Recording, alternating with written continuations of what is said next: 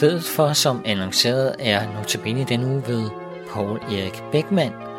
Kjell Ole Munks andagter bliver sendt i næste uge.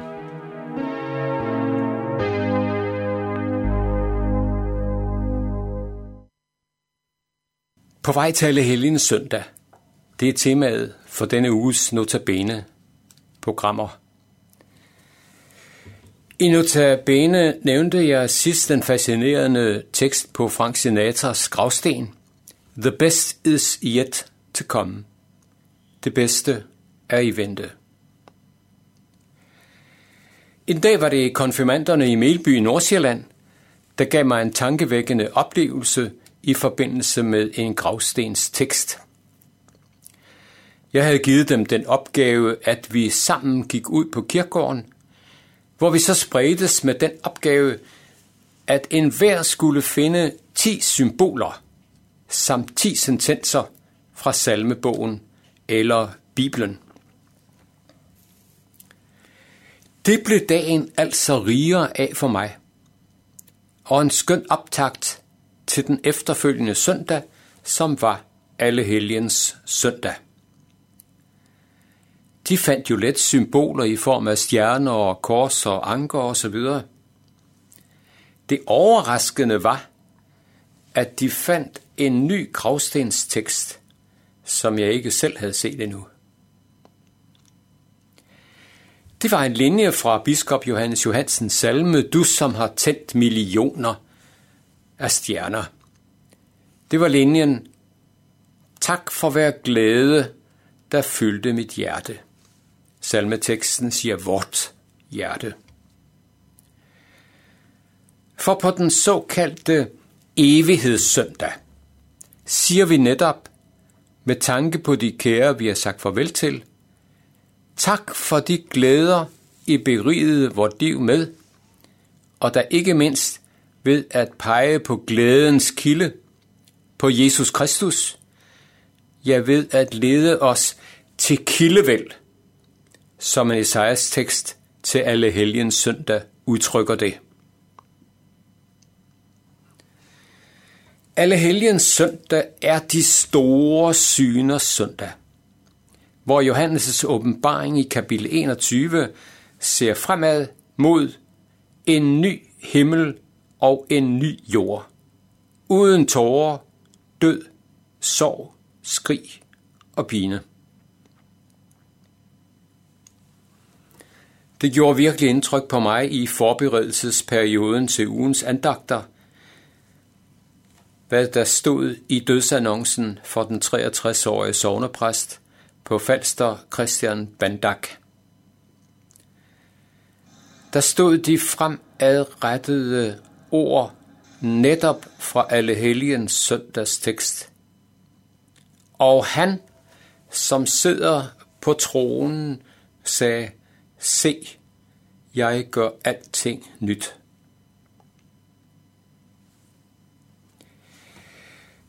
Ja, men indtil da, hvad så?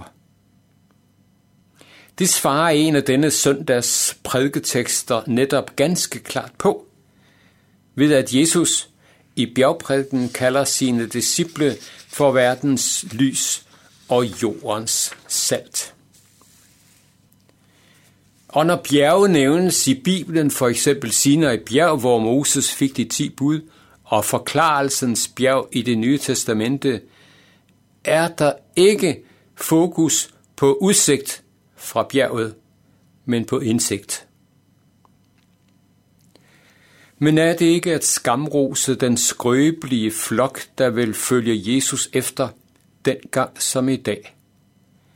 For hvor kan vi få øje på salt kræfter til at forhindre forrådnelsen eller lysstyrker sig selv til at være det lys, der spreder mørket?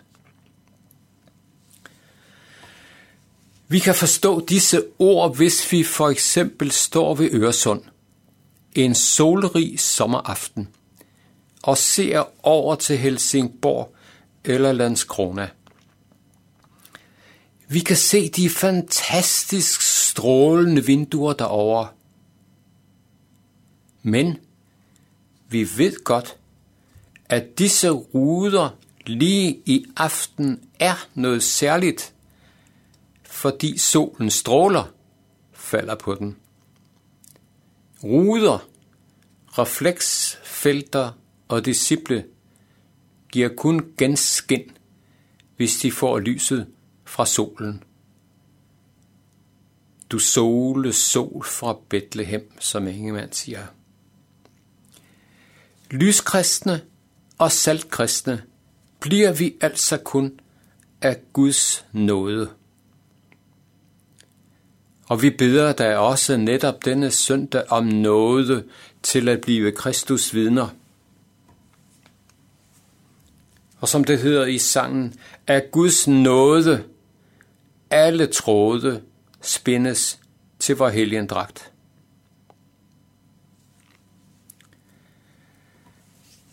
I den første andagt var det et barn, der fik noget til at pege på Gud, som en kilde til helbredelse for en syg, kongelig herrchef. På Vesterbro kunne en far også pege på et barn, der fik noget til at pege på bøndens kilde. En dag måtte den far, der var arbejdsmand, nemlig bekende over for præsten, at det, som ingen magt på jorden skulle have fået mig til at gøre, det fik min lille dreng mig til en aften, da han sagde, Far, kom herhen og fold dine hænder, og så vil vi to bede aftenbøn sammen. Jamen, hvor havde gutten dog det fra? Det havde han ikke lært, af ham i hvert fald. At være vidne for Herren, som alle helgens søndag fokuserer på, er uafhængig af alder. Tak for hver glæde, der fyldte vort hjerte. Ordene er som nævnt fra salmen, du som har tændt millioner af stjerner.